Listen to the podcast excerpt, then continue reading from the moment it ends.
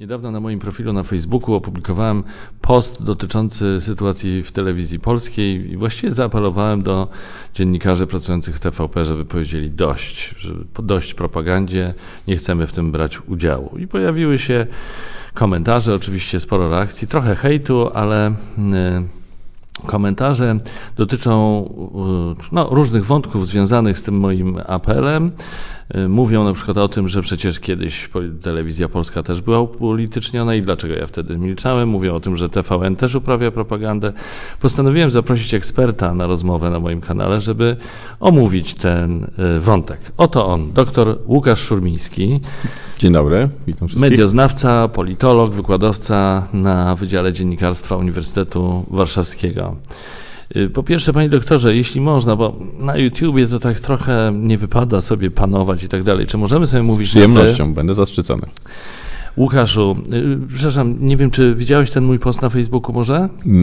Nie, widziałem go chyba w odbitym świetle, A, bo on był też medialnie. Tak, tak. Całości nie widziałem, ale no tam część miałem okazję mhm. czytać. Y, więc y, po prostu w którymś momencie, mówiąc kolokwialnie, mnie szlak trafił i stwierdziłem, że muszę dać wyraz temu, że nie można milczeć, że tak długo byłem związany z telewizją polską, że, że widząc to, co tam się dzieje, muszę coś jakoś to skomentować, coś, coś powiedzieć. I, I te komentarze, właśnie o, od nich chciałbym zacząć, bo komentarze mówią na przykład tak, no mówi pan, że propaganda w TVP, ale TVN też uprawia coś podobnego i pan nic nie mówi.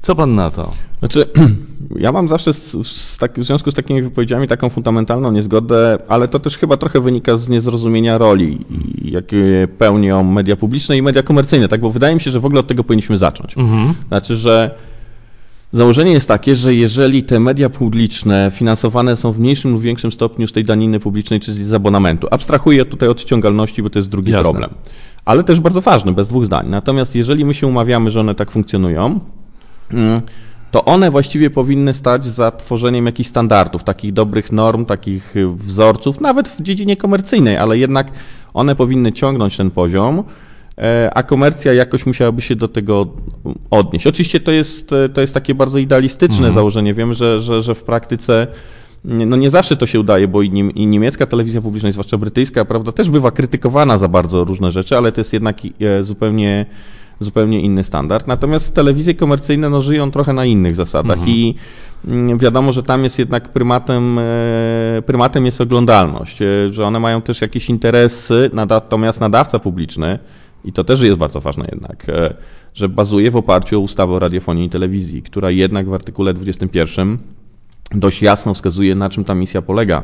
I tam poza takimi rzeczami technicznymi dotyczącymi standardów przekazów i tak tak mhm. dalej, mówi się jednak o pluralizmie, o bezstronności, mhm. o takich rzeczach, których, e, których w tej telewizji teraz nie ma. I wydaje mi się, że jeszcze na jedną rzecz warto zwrócić uwagę. To znaczy, że jak patrzymy na to z perspektywy historycznej, o której wspomniałeś, mhm. to warto tym wszystkim krytykom e, przypomnieć sytuację, kiedy Prawo i Sprawiedliwość rządziło już w telewizji w latach 2005-2007. Oczywiście wtedy też się pojawiały głosy krytyczne. Mhm. E, z różnych stron Łukasz, Przepraszam, żeby to uporządkować. To chyba nie było 2005-2007. 2005-2007, no z lekkim przesunięciem, tak? No po wyborach, kiedy PiS zdobył władzę z samobroną i yy, Ligą Polskich Rodzin. Tak, ale PiS był w telewizji, czyli mieliśmy dwóch prezesów pisowskich, czyli Bronisław Wilczstein i Andrzej Urbański, ale oni byli, że tak powiem, przesunięci przesunięciem. Z przesunięciem że... czasowym, bo, tak. bo, bo, trzeba było też zmienić ustawę, tak? Mhm. E, ale to przesunięcie to zawsze miało miejsce, tak. to przesunięcie. Jakbyśmy mhm. popatrzyli od 93 roku na Wiesława Walędziaka, no to on jest przecież prezesem do 95 czy 6 roku, mimo że rządził już SLD z PSL. Tak, czyli to przesunięcie, to przesunięcie zawsze mhm. było. Ale chodzi mi o to, że E, no, Prawo i Sprawiedliwość miało wtedy bezpośredni wpływ. Było dwóch mhm. prezesów wprost, e, wprost związanych, których wymieniłeś z nazwiska. I oczywiście jakaś krytyka wtedy też była. Mhm. E, no ale takie rzeczy, które dzieją się teraz i w wiadomościach, i w TVP Info, one no, mhm. no, nigdy wtedy nie miały miejsca. To znaczy nikomu w ogóle by nie przyszło do głowy, że ten standard tworzenia serwisu informacyjnego można tak zepsuć. No, że to jest właściwie klasyczna propaganda telewizyjna, Aha. rządowa Aha. Ale, ale e, właśnie, to słowo propaganda, bo ono jest powtarzane. Ja sam używam tego słowa. Jak moglibyśmy zdefiniować propagandę? O, o czym my dokładnie mówimy? Komuś, kto nie rozumie albo udaje, że nie rozumie, albo nie chce zrozumieć. Propaganda, propaganda. Co to właściwie znaczy? Jak znaczy, to, to, są wszystko, to są na pewno wszystkie materiały, bo tych definicji oczywiście jest bardzo wiele, mm. ale generalnie co do zasady chodzi oczywiście o to, że tworzymy materiały, które mają taki wydźwięk perswazyjny, tak? Mają wpływać w jakiś sposób na nastawienie, na ocenę rzeczywistości i ten, kto tworzy ten przekaz, liczy na to, że pod wpływem tych przekazów ta druga strona, czyli ten odbiorca, jakoś będzie modyfikować swoje, e, swoje postawy. I czym innym jest na przykład robienie, bo to bardzo chciałbym tutaj rozgraniczyć, krytycznych materiałów wobec jakiejś mhm. rzeczywistości, bo jeżeli hołdować będziemy też tej zasadzie both sides of the story, tak, jeżeli tej drugiej strony też będziemy dawać szansę na to, żeby ona się jakoś do Ty, tego odniosła. Czyli mówimy o zasadzie, która wydaje się, wydawałoby się jest oczywista. Tak, elementarna. jest elementarna, mhm. natomiast no, o, e, ona nie jest w, w żaden sposób dochowywana i, i jakby jeśli ktoś mówi, że to nie do końca jest prawda, no to Wystarczy, że, że zrobi sobie proste ćwiczenie, to znaczy mm, obejrzy regularnie, to jest trudne, no ale mm, tak, jeżeli stać go na taki wysiłek, żeby sobie obejrzeć kilka kolejnych wydań wiadomości i zobaczyć, w jaki sposób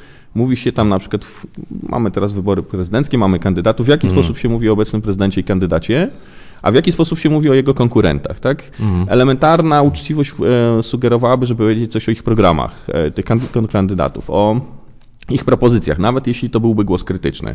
Natomiast tam właściwie mamy do czynienia z bezkrytycznym takim mhm. e, e, zalewem jakiegoś takiego, no hejtu właściwie można byłoby powiedzieć. Mhm. E, oni właściwie, ci bohaterowie występują tam jako podmioty, nie przy, y, jako mhm. przedmioty, nie podmioty tak, tych narracji, bo, bo nikt ich, ich nie pyta o zdanie. To znaczy, jeśli kontrkandydat otrzymuje możliwość zabrania głosu, to jest jakiś fragment wycięty jego wypowiedzi, która ma mhm. służyć ilustracji jakiegoś materiału, który sobie wcześniej wymyślił e, propagandista. No więc to nic wspólnego nie ma z rzetelną informacją. I jeśli ktoś e, dla porównania, bo pojawia się na argument TVN-u, tak, ale proszę zwrócić uwagę na to, zwróćmy uwagę na to, że mm, jeżeli dziennikarze e, tej stacji nawet oskarżani są o stronniczość, to przecież e, reporterzy regularnie pytają na przykład posłów Prawa i Sprawiedliwości o to, jaki jest ich stosunek do jakiejś tam ustawy, do jakiegoś rozwiązania prawnego. Mhm. Generalnie ta, ten obóz rządowy ma szansę zabrać głos, tak? Mhm. Czy jego posłowie, jego, jego zwolennicy mają się prawo do tego wszystkiego jakoś ustosunkować. Po drugiej stronie tego nie ma. Chociaż, jak mówię, paradoks polega na tym, że to właśnie nadawca publiczny powinien ten standard narzucać, podtrzymywać go, tego, tego pilnować. Ale też ja, wydaje mi się, że po prostu my teraz jesteśmy już w takiej rzeczywistości, takiej plemiennej trochę, mhm. Mm, że te nasze argumenty, które tu się pojawiają, takie wydawałoby się skądinąd zdroworozsądkowe, mhm. Mm, one w ogóle nie docierają do drugiej strony. Podam Ci bardzo ciekawy przykład, bo byłem, byłem jakiś czas temu na konferencji, e, na której pokazywałem właśnie trochę te paski mhm. i na mhm. zasadzie one były, te paski były ilustracją dla takich narzędzi propagandowych, które są opisywane w literaturze. I potem na ten temat toczyła się e, bardzo ciekawa dyskusja. No i jeden z panów mówi, a dlaczego pan na przykład nie robi takich materiałów o paskach w TVN-ie? Ja mówię, wiedzi pan. Różnica polega na tym, że pan tego TVN-u najpewniej nie ogląda, ale wie pan, że on jest zły. Mhm. To, natomiast ja jako oglądający mogę panu powiedzieć, że tam nie ma klasycznych pasków. Mhm. To jest punkt wyjścia. Tak. Po drugie, Oczywiście nikt, e, e, nikomu nikt nie broni, żeby rzeczywiście, jeżeli uznajemy, że, że, że, że nie wiem, że, te, że fakty TVN-owskie są propagandowe, żeby zrobić na ten temat materiały. Dwie mhm. książki się już ukazały. Tak. E, więc to też warto, e, też warto o tym pamiętać. Natomiast e, rozmowa trochę była jakby jak z dwóch różnych bajek, bo ja mówię, że, że no właśnie, że ta misja, że ustawa, a narracja z drugiej strony była bo my żeśmy tą telewizję odzyskali, bo tam 30 lat rządzili komuniści, mhm. my żeśmy ją odzyskali i teraz jest tak, jak jest, jak być powinno i do tego chyba mamy też ten głos prezesa Kurskiego, który kilka razy publicznie mówił o tym, że no ponieważ telewizje prywatne atakują rząd, no to on go będzie bronić. Co jest jakby absolutnym niezrozumieniem tego, mhm. tak, jak zdefiniowana jest misja w ustawie. No ale to myślę, że to jest trochę nasza czcza taka rozmowa, bo na nim to nie robi żadnego wrażenia. No tak, ale to budzi głęboki sprzeciw, bo tak nie powinno być. Mamy tutaj dwie rzeczy, o których wspomniałeś, czyli pierwsza rzecz to jest ta elementarna rzemiosło dziennikarskie, uczciwość dziennikarska, czyli... Ale tam nie pracują dziennikarze, no więc to jakby... No to ostro powiedziane, że tam nie pracują dziennikarze. No może w drugiej linii. Okej. Okay. Albo nie zachowują się jak dziennikarze. Albo nie zachowują się jak dziennikarze, no bo nie sądzę, żeby część osób, które pracowały wcześniej, nagle zapomniały warsztatu. Mm, no, no, tak, to jest też dla mnie tru, trudne do pojęcia, a druga rzecz to jest, y, no to są obowiązki narzucone przez ustawę y, nadawcy publicznego, czyli, y, czyli media publiczne, właśnie, które nie są realizowane i też to, no dobrze, ale teraz tak, wiesz, jak sobie z tym poradzić? Może jeszcze inaczej. Wrócę do tych komentarzy pod tym moim postem. Inny argument, który bardzo często się pojawia, jest następujący. Panie Orłoś, przez te wszystkie lata, kiedy pan był w telewizji, telewizja była upolityczniona i tam też uprawiano propagandę i pan wtedy nic nie mówił. To teraz pan się odzywa. A ja uważam, że to, co teraz się dzieje, jest jednak bez precedensu. Oczywiście, że, że tak. Oczywiście zawsze były niestety wpływy polityczne, no bo tak to jest. Z naszymi mediami publicznymi nie jest to uporządkowane. Ale nigdy tak nie było. No to dlatego, dlatego ja właśnie sięgnąłem do tego, do tego argumentu z tych poprzednich czasów mhm. rządów Prawa i Sprawiedliwości w koalicji. Mhm. Bo oczywiście, że ja pamiętam wizyty gospodarskie Leszka Millera gdzieś tam w terenie, no które tak, żywo, tak. jako żywo przypominały telewizję z czasów Gierka.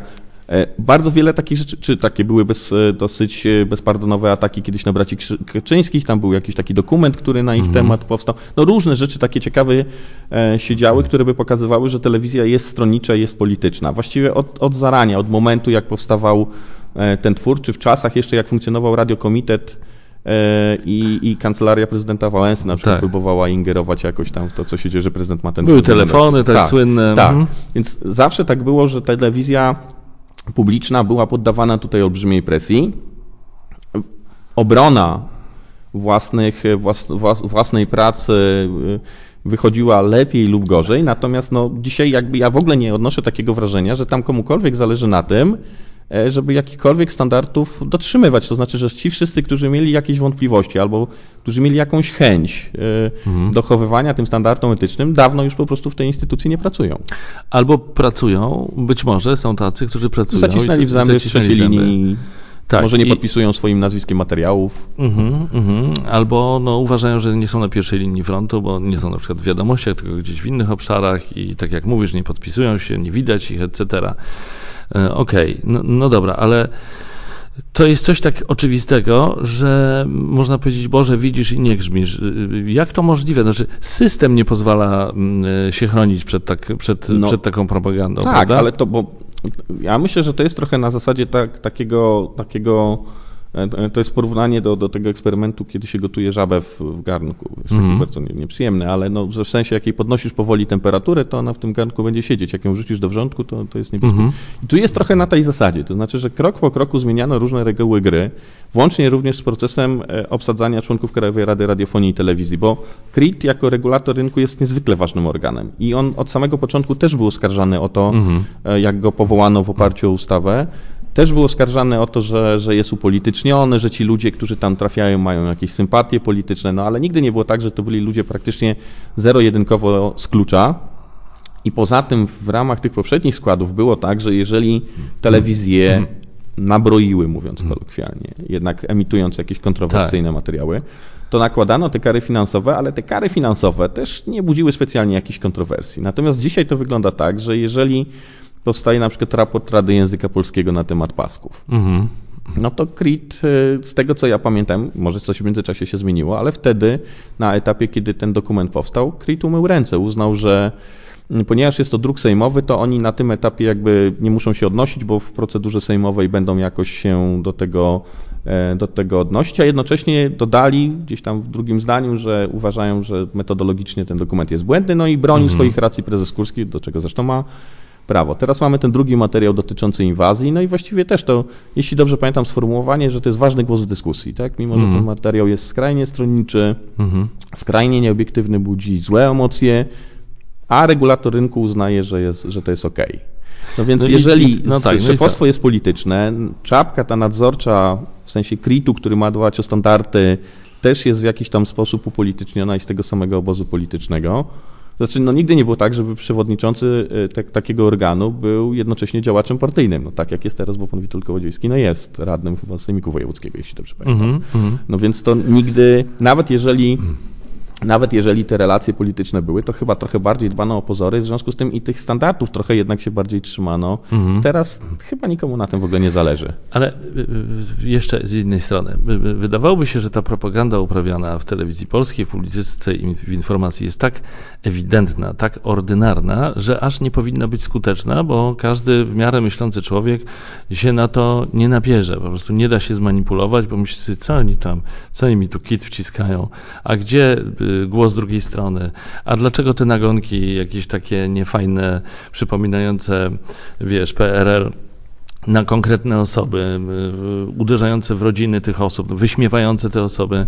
A tak się nie dzieje. Tak jakby dzia, działa ta propaganda? Działa. Działa, aczkolwiek w ograniczonym zakresie. To znaczy, że, bo to też musimy się zastanowić troszeczkę, do kogo ona jest zaadresowana, Mhm. bo jeżeli ona ma być zaadresowana do na przykład tej grupy wyborców, która jest absolutnie przeciwna obecnemu obozowi, no to wiadomo, że to w ogóle nie, bo oni w ogóle nie oglądają. Mhm. Mamy też całkiem sporą grupę widzów, odbiorców, którzy mają taką labilną e, tą, e, t- tą opinię na temat tego, kogo, na kogo poprą w następnych wyborach. Czasami to są jakieś takie impulsy, czasami to są e, prostsze decyzje. No i tutaj już trochę się tego bym obawiał, natomiast, że Mhm. ona jest skuteczna, mm, to można się zorientować, kiedy na przykład spotykasz się z jakąś osobą, nawet nie pytasz go o poglądy polityczne, ale słyszysz, że on mówi językiem i paskami. Tak, to, Tak. fryzjera, u kierowców, Mm. no, no, taksówek, gdzieś tam no, w różnych takich miejscach publicznych, gdzieś gdzie słychać, jak ludzie na przykład rozmawiają o polityce. Nie mówię też o rodzinnych jakichś, ja na szczęście nie mam takich doświadczeń, ale Ale wiadomo, że... to, że tak. Mhm. jak ktoś ogląda te wiadomości i potem rozmawia i słyszy, że to już gdzieś mu tam Pobrzmiewa gdzieś tak. tam. I to wydaje się skuteczne. Druga rzecz, która mm, wydaje mi się też jest niezwykle skuteczna, jeżeli chodzi o te konstrukcje, przynajmniej do pewnego momentu, to jest taka sytuacja, kiedy e, różnego rodzaju tezy polityczne, czy też ze sfery gospodarki, czy ze sfery społecznej, podpierane są sądami ulicznymi. Wiesz, Mhm. no, sądy uliczne robiąc można zrobić cuda, bo Wszystko rozmawiasz z setkami osób, możesz wybrać cztery wypowiedzi. Robiłem sądy uliczne nieraz i wiem, że można zrobić wszystko, co się chce. No więc to nie zabrzmiało dobrze.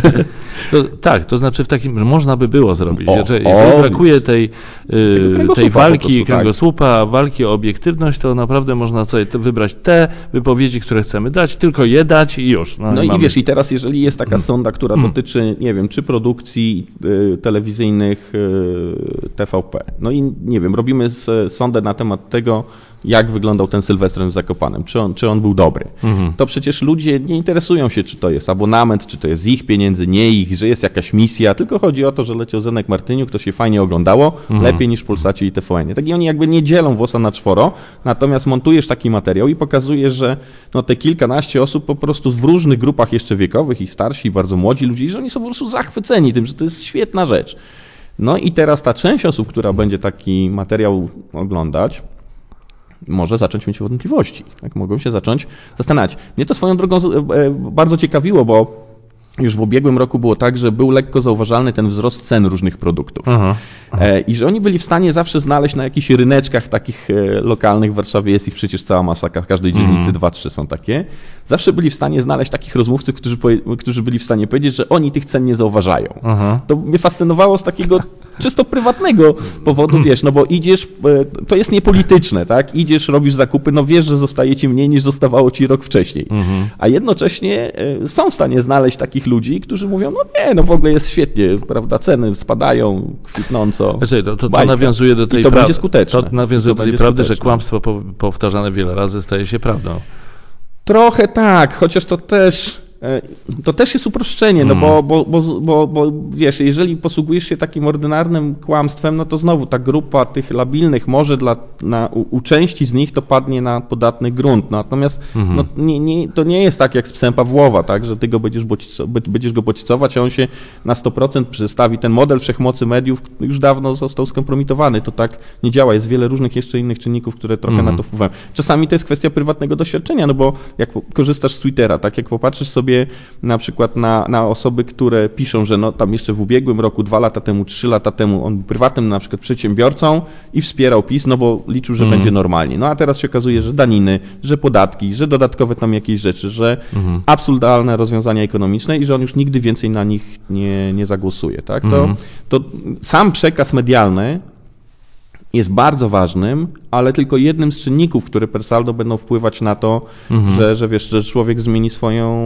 optykę. No, nie życzę tego nikomu, ale no, słyszysz ministra zdrowia, który mówi, że jest świetnie, nie mówię o koronawirusie, ale Tak. że jest świetnie, no i trafia ktoś z twoich bliskich tak, do, do, do szpitala i się okazuje, że no, jakaś, poważna, jakaś poważna historia. I konfrontujesz słowa polityka z realnym... rzeczywistością, Z, z- z tak. rzeczywistością. No i to okazuje się, że wiadomości e, z tymi swoimi programami mówiącymi o tym, jak genialnie jest i ile pieniędzy poszło, rozjeżdżają się z tym, z czym ty się zderzasz w praktyce. No i nagle się okazuje, że ten przekaz telewizyjny no, przestanie mieć już znaczenie, bo ten, który wczoraj jeszcze wierzył, dzisiaj słucha tego i wiesz, i pewnie jakimś grubym słowem rzuciłby oglądając ten materiał, widząc, że to w ogóle jest jakaś potomkinowska wioska, to nie ma nic wspólnego z rzeczywistością. Mhm. Wspomniałeś wcześniej, teraz dopytam, żebym nie zapomniał. Wspomniałeś wcześniej o dwóch książkach, które się ukazały, o książkach na temat pasków, dobrze zrozumiałem? To znaczy nie, to w ogóle były materiały na temat, na temat, na temat mm, różnego rodzaju materiałów, TF faktów TVN-u, które budziły tam jakieś wątpliwości. Faktów TVN. Faktów TVN, Aha. tak. A jeśli chodzi o telewizję publiczną, no to raczej publikacje plus, pl- p- p- prasowe, plus jest na książka mm, pana redaktora Kowalewskiego chyba, jeśli dobrze pamiętam. Tak, to jest póki co jedyna rzecz. No okej. Przynajmniej, którą ja kojarzę, plus raport oczywiście Rady Języka, który jest super źródłem. Y, Wróćmy jeszcze do tej propagandy, bo czuję wciąż pewien Niedosyt. niedosyt.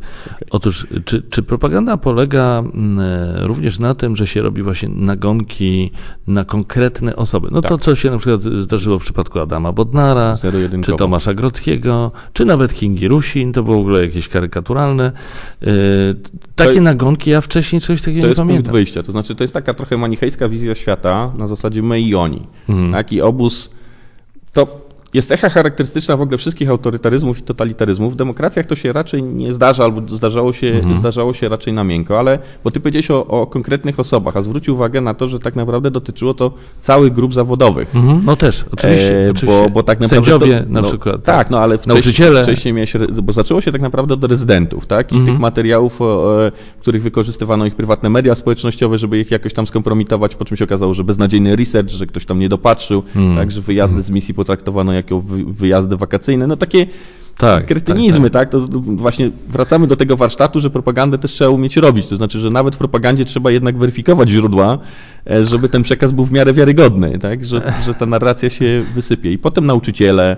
E, mm, ja to bardzo, dla mnie to jest bardzo ciekawe, bo sporo też czasu kiedyś spędziłem e, na, lek- na- lekturze tekstów dotyczących PRL-owskiej propagandy. I wiesz, bo, bo, bo my patrzymy na to z tej perspektywy właśnie nauczycieli, lekarzy czy sędziów, czy jako kasty. Do tego są jeszcze elity. To jest tam czwarty wątek, który się pojawia, pseudo. Tak. E, No, i właśnie w tym... Lewacy, Lewacy tak, chociaż chyba LGBT, trochę... LGBT to też. ideologia LGBT. Tak, cały folderek mam na ten temat. Aha. Natomiast e, no, personalne, personalne ataki, ale mnie na przykład zastanawiało też i też mam cały taki oddzielny zasób e, pasków dotyczących Niemców. O, Niemcy Nie- jako wróg, tak? Niemcy to, Niemcy tamto. E, To, to, jest, to jest fascynujące, bo to jest taki, e, to znaczy w wiadomościach zaczynają się posługiwać takim językiem, e, no, z końca lat 60. moim zdaniem, chociaż właściwie to dotyczy całego PRL-u, wiesz, gdzie, kiedy mówiono, że Waszyngton, Bonn tam i Tel Tak. Awiw są odpowiedzialne za jakieś tam rzeczy. I mam z 40 chyba takich pasków, gdzie pojawia się Paryż i Bruksela, albo Berlin i Bruksela czegoś tam od nas chcą, czegoś nam zakazują, albo traktują nas w jakiś taki nierówny sposób. No to to jest przecież jeden do jednego schemat przeniesiony po prostu stamtąd. Jakbyś czytał książkę pana profesora Głowińskiego no tak. o marcowym gadaniu. No i teraz ty mi to wytłumacz, bo bo to jest tak. Y, Robi to formacja, która przecież bardzo zdecydowanie odżegnuje się od komunizmu, od tamtych czasów, wytyka różnym osobom czy środowiskom jakieś powiązania właśnie z tamtą minioną epoką, a jednocześnie. komunistów mają, Co- nie no, no to swoją mają, drogą, to swoją drogą, ale, ale jednocześnie stosuje metody propagandowe rodem z, tamte, z tamtego Bo okresu. metody są niezmienne. Wiesz co, jakbyś popatrzył sobie na przekazy propagandowe części na przykład amerykańskiej administracji, ja zajmowałem się kiedyś wojną w Kosowie i tak, o tym, jak sprzedawano wojnę. I tam ten podział świata na zasadzie my i oni, dobrzy i źli. Jak się człowiek troszkę w to wgłębił, to się okazywało, że kosowscy Albańczycy nie są bez winy, a Serbowie nie wszyscy są takimi szwarc charakterami, jakich pokazano. Mhm. Także oni też mają swoje racje, również na przykład racje historyczne, że ten region, o który był ten spór, to jest jednak e, historyczna kolebka tego państwa, takie nasze trochę gniezno mhm. i że to nie jest takie oczywiste, że, że e, oni, prawda, są tymi, którzy znęcają się nad tą biedną ludnością, a ci kosowscy Albańczycy, prawda, tacy uciemiężeni. No nie, mhm. oni tam organizowali powstania, zamachy bombowe, różne rzeczy robili, ale jeśli mówimy o wykorzystaniu narzędzi, mhm. one były dosyć podobne. Ja lubię mówić, posługiwać się taką metaforą, że E, propaganda jest trochę jak nóż, który możesz, który możesz się posłużyć, wiesz, smarować chleb, czyli propaganda też dobrych idei też mm. może być, bo w, e, a można też no, robić bardzo, bardzo wiele złego. To znaczy, sama propaganda jako zjawisko w ogóle gębę dostała e, w trakcie i po II wojnie światowej. Tak? No może mm w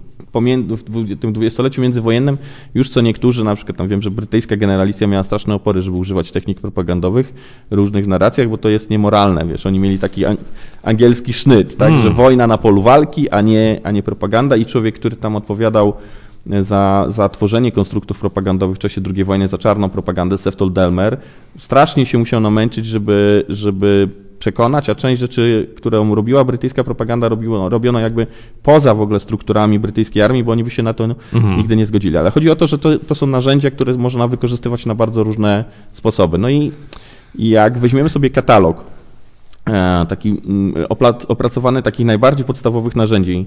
To jest katalog Instytutu Analizy Propagandy. Oni jeszcze w latach 30.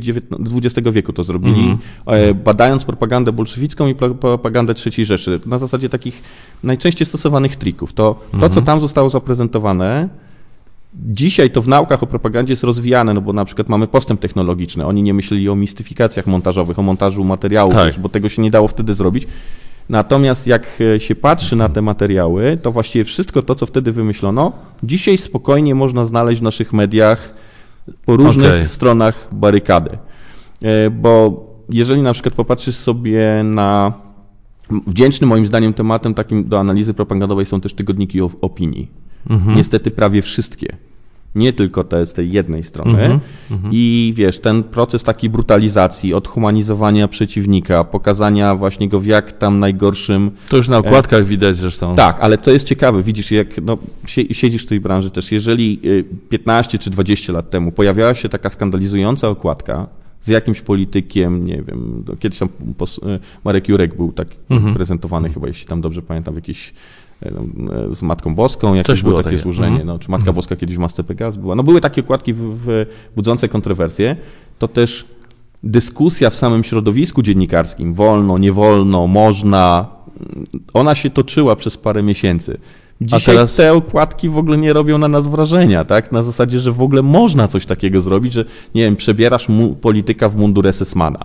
Tak. tak. I że to tam promuje, wiesz, na jedynce. A były takie A były takie, tak. no i, i, i albo przebierasz go w mundur generała Jaruzelskiego dla odmiany. No, no tak, tak, tak. E, więc... E, I, i narzędzia, narzędzia, są te mhm. same, tylko jakby ich zastosowania troszeczkę się zmieniły. Tak, to mi się przypomina to, co Stefan Kisielewski powiedział, znaczy to mniejsze zło, że jesteśmy w D, tak, ale, ale że się w nim tym urządziliśmy. urządzać. Tak. tak. Okej, okay, no, no, no, ale to nie brzmi za dobrze. Znaczy to pokazuje, że wszędzie na świecie są takie metody stosowane. Tu przywołałeś, e, przywołałeś Amerykanów, którzy też to stosują, czyli może my nie jesteśmy wyjątkiem, może po prostu no tak, tak musi być, taka jest polityka, taki jest świat i tyle. Znaczy, no, hmm. nie, jednak nie. Jednak nie, dlatego że no, wiesz, no, to wy, wygląda trochę tak, bo na przykład no, teraz toczy się sporo dosyć dyskusji na temat kondycji brytyjskich na przykład. Najpierw hmm. to w kontekście samobójstwa tej byłej partnerki chyba księcia Harry'ego, mhm. którą zaszczuły media. Wcześniej przecież było taki była taka duża afera dotycząca brytyjskich mediów po tym, jak zaginęła jedna tam z dziewczynek e, i tabloidy należące do Ruperta Mardocha bardzo tą mhm. historię eksploatowały, ale potem się okazało w ogóle, że podsłuchują polityków, adwokatów, ludzi. Dzięki temu zamknięto ostatecznie News of the World mm, jako tak. bardzo poczytny tytuł. Ale chodzi o to, że tam był jednak jakiś ferment, to znaczy, że zebrała się na przykład komisja parlamentarna, e, że opracowano jakiś raport, wdrożono jakieś zmiany, więc to nie jest tak, że jeżeli media się w tej swojej aktywnościach wykoślawiają, nie wiem, bo mają trudną sytuację finansową, bo gonią za pieniądzem, bo coś takiego się dzieje, to jednak tam mamy do czynienia z jakąś refleksją. Masz przykład z amerykański, bo o nim żeśmy powiedzieli, czyli taka sytuacja, w której na przykład prezydent Trump, który też ma dosyć specyficzne podejście do mediów, zaczyna sobie te media wybierać. Tak? Tam miał mm. romans bliski z Foxem, resztę mediów no tak. traktował per noga, ale na przykład tamte środowisko, bo to jest też kamyczek do środowiska dziennikarskiego, stać było na przykład na to, żeby w sytuacji, kiedy politycy próbują jakoś sobie media ustawić, po prostu gremialnie z takiej konferencji na przykład wyjść. Hmm. Czy słyszałeś u nas kiedyś o takiej sytuacji, że premier albo któryś z ministrów przychodzi na konferencję i konferencja polega na tym, że on nie odpowiada na pytania, on wygłasza swoje expose i hmm. wychodzi. Hmm. No przecież to nie jest konferencja prasowa, tak? To w ogóle nie można nazwać konferencją prasową, ale jednocześnie wszystkie te media tam przyjeżdżają i może gdyby raz, drugi czy trzeci jednak się okazało, że relacje z tej imprezy robi tylko Telewizja Republika i, i TVP, mm. a w innych mediach w ogóle nie ma tego, to politycy zaczęliby może trochę myśleć, bo oni jednak tych mediów mm. też potrzebują. Mm. Znaczy, no, politycy, no wiadomo, wiadomo, no oczywiście. Więc ja mam takie wrażenie, że chyba, że, że chyba część dziennikarzy po prostu to odpuściła, w sensie takim, że raz nie toczą się środowiskowe dyskusje, trochę na zasadzie tego, gdzie jesteśmy, mm. a dwa, że no, trudno też mówić o jakiejś solidarności, bo ona też skończyła się kilka czy kilkanaście lat temu. Też jest podział. No tak, ale to tylko wtedy tak naprawdę dziennikarze są w stanie w ogóle wpłynąć na to, po pierwsze, w jakich warunkach pracują, mhm w sensie w jakość negocjować, skoro wiesz, na przykład wydawcy się byli w stanie zorganizować, są różnego rodzaju stowarzyszenia zrzeszające właścicieli mediów, a dziennikarze no, mają kilkanaście swoich, każdej zamknięte, zasklepione, mhm. jakby głosu środowiska nie ma, rozmowy o standardach nie ma, mhm. e, ni, nic z tego nie jest w ogóle podejmowane, no to Może co się dziwić, Uniwersytet że... Warszawski powinien mieć taką inicjatywę. Wiesz co, próbowaliśmy zrobić e, taki kongres mediów dosyć duży i naprawdę na początku wydawało się, że, że no, udało się też media z różnych stron barykady, mm. łącznie też z Kritem zaangażować to. W ogóle to fajnie wyglądało, no ale potem oczywiście okazało się, że jak to ma być duże, ma być sensowne, to jednak wymaga budżetu, no. a pieniędzy nie ma, bo media są w kryzysie finansowym, nikt I nie koło się zamyka. Trochę tak, mm. trochę tak. Ale powiedz mi taką rzecz. I, jeśli chodzi o tę skute bo skuteczność propagandy, ta, w takiej propagandy, która teraz mm, się dzieje w, w mediach publicznych, Otóż kiedyś mi się wydawało, że to może być przeciwskuteczne, znaczy, że to nie zadziała po prostu i że bardziej skuteczne byłoby, gdyby ta formacja polityczna, która rządzi mediami publicznymi, gdyby ona robiła to y, bardziej subtelnie. Z głową. Z głową. Bo, y, Ale to jak ty sądzisz? To znaczy, wiesz, to na pewno tak, dlatego że no, na tym etapie, hmm. na którym oni są dzisiaj, to oni utwardzają ten twardy elektorat i jakby tak. o centymetr nie są w stanie wykroczyć poza bo reszta w ogóle albo nie ogląda, albo no ma tak. tak krytyczny stosunek, że i nie raz, nie dwa było słychać też takie głosy. E, I żeby było ciekawiej, to są też publikacje, które felietony na przykład, które pojawiały się na łamach prawicowych tygodników opinii, bo i sieciach, i w mhm. Gazecie Polskiej, że taki sposób tworzenia tych przekazów propagandowych, o ile wcześniej prezes Kurski twierdził, że to pomaga tej formacji i pewnie przy poprzednich mm. wyborach niektórych tam mm. rzeczywiście tak mogło być, mm. może europejskich na przykład, o tyle w którymś momencie zaczyna to szkodzić. I myślę, że teraz jesteśmy na tym etapie. Ale no, no to w takim razie z, z punktu Tylko, widzenia że ta tej zmiana formacji, społeczna no to też wymaga trochę czasu. Ale mhm. myślę, że to e, że to za, za, zaczęła się erozja. E, czyli, w... czyli jeżeli nastąpi teraz jakiś zwrot i ta propaganda się zmieni, będzie bardziej subtelna, ten przekaz będzie inny, będzie bardziej przypominał to, co kiedyś będzie y, działo się w TVP w różnych nie, okresach. To, na to się to już nikt nie nabierze. To znaczy oni przekroczyli okay. Rubikon. Mhm. Przekroczyli Rubikon E, więc oni mogą tylko teraz przejść do przodu. Mhm. Nie, nie wydaje mi się. Wiesz, tak samo jak no, powiedziałeś o tym, o tym apelu, tak? To znaczy mhm. e, wizja, że ktoś pochyli się nad tym, tak? Podda to jakiejś refleksji. Jest, ja wiem, jest... nie, wiem, ja wiem. Ja no, prostu... No więc wiesz, no, to trochę tak wygląda. To znaczy, że jak dajesz twarz przez trzy lata mhm. E, tym przekazom, a chyba nie najgorsze pieniądze, jak słyszałem, no to mhm. już za bardzo nie masz wyjścia. E, wiesz, jak na Titaniku. mm, mm. do samego końca, no bo co im innego zostało? No w żadnej normalnej firmie przecież ci ludzie roboty nie znajdą. No, y, rozmawiałem z Tomaszem Sekielskim na ten temat y, i on powiedział, że zawsze można uprawiać inny zawód, że można. są inne zawody, prawda, można no. po prostu i znam Jak takie przypadki. dziennika telewizyjnego osoby, tak. z czasu stanu wojennego. A co oni uprawiali? Jakie Różne rzeczy. po, po odejściu, tak, po zakończeniu tak, systemu tak. i tak dalej. Tam jeden chyba szkolił medialnie, ale no mhm. wiesz, to jakby chodzi o to, że no Mhm. Możesz znaleźć sobie pracę w różnych projektach niszowych, możesz ją znaleźć poza mediami, możesz mhm. szkolić gdzieś tam medialnie. No różne rzeczy można robić, ale myślę, że no, szansa powrotu do jakichś takich dużych projektów telewizyjnych, gdzie, mhm. gdzie jednak kładzie się e, nacisk na jakieś minimum standardów, no jest żadna. To znaczy, jak dajesz temu twarz, to, to jakby jest one way ticket. To zostawmy teraz ten wątek i chciałbym jeszcze na chwilę poruszyć inny bardzo gorący temat y, koronawirus. Kiedy obserwujesz media donoszące o koronawirusie, to jakie masz przemyślenia, jakie masz refleksje? Co myślisz sobie? O przekazach? Czy o... o przekazach, znaczy, tak, tak. No znaczy, wydaje mi się, że na ten moment to akurat o ile bardzo dużo żeśmy tu krytycznych rzeczy powiedzieli, to raczej mhm. byłbym stałbym na stanowisku, że nie najgorzej to wypada. To znaczy, że bo to, co na najgorsze, co nas może spotkać, jak się słucha specjalistów na ten temat, to jakaś panika i takie nieracjonalne mm. zachowania. I teraz jak obserwuję sobie mm, jak obserwuję sobie te przekazy, no to jednak e, podkreśla się to stanowisko, że mm, no właśnie ta panika to jest ta najgorsza rzecz, także jednak pewnego rodzaju profilaktyka i procedury no mogą, mogą nas tutaj jakoś to znaczy nie, no, nie powstrzymać rozwój tej choroby, ale nas uchronić personalnie mhm. od, od tego. Wiadomo, że oczywiście jest tak, że, że te, te, ta opowieść o tym, jak to wygląda w praktyce, będzie się różnić, czyli że media krytyczne będą jednak podnosiły pewnego rodzaju braki systemowe mm. czy jakieś tam niedoskonałości. Ale na litość boską takie jest ich prawo. To znaczy, że tak. jeżeli minister twierdzi, że jest świetnie, a wiemy, że świetnie nie jest, no to to jest immanentną rolą telewizji jako czwartej władzy, mhm. czy w ogóle mediów jako czwartej władzy, żeby mhm. łapać rządzących za rękę, ale mhm. nie, ani razu nie miałem wrażenia, żeby to było jakieś history, histeryczne, mhm. czy żeby to była polityczna gra jakoś tak bardzo radykalnie. Mhm. Czy chyba mam takie wrażenie, że w tym wypadku chyba więcej krytyki można by w tej materii poświęcić politykom opozycji niż mediom. Mhm.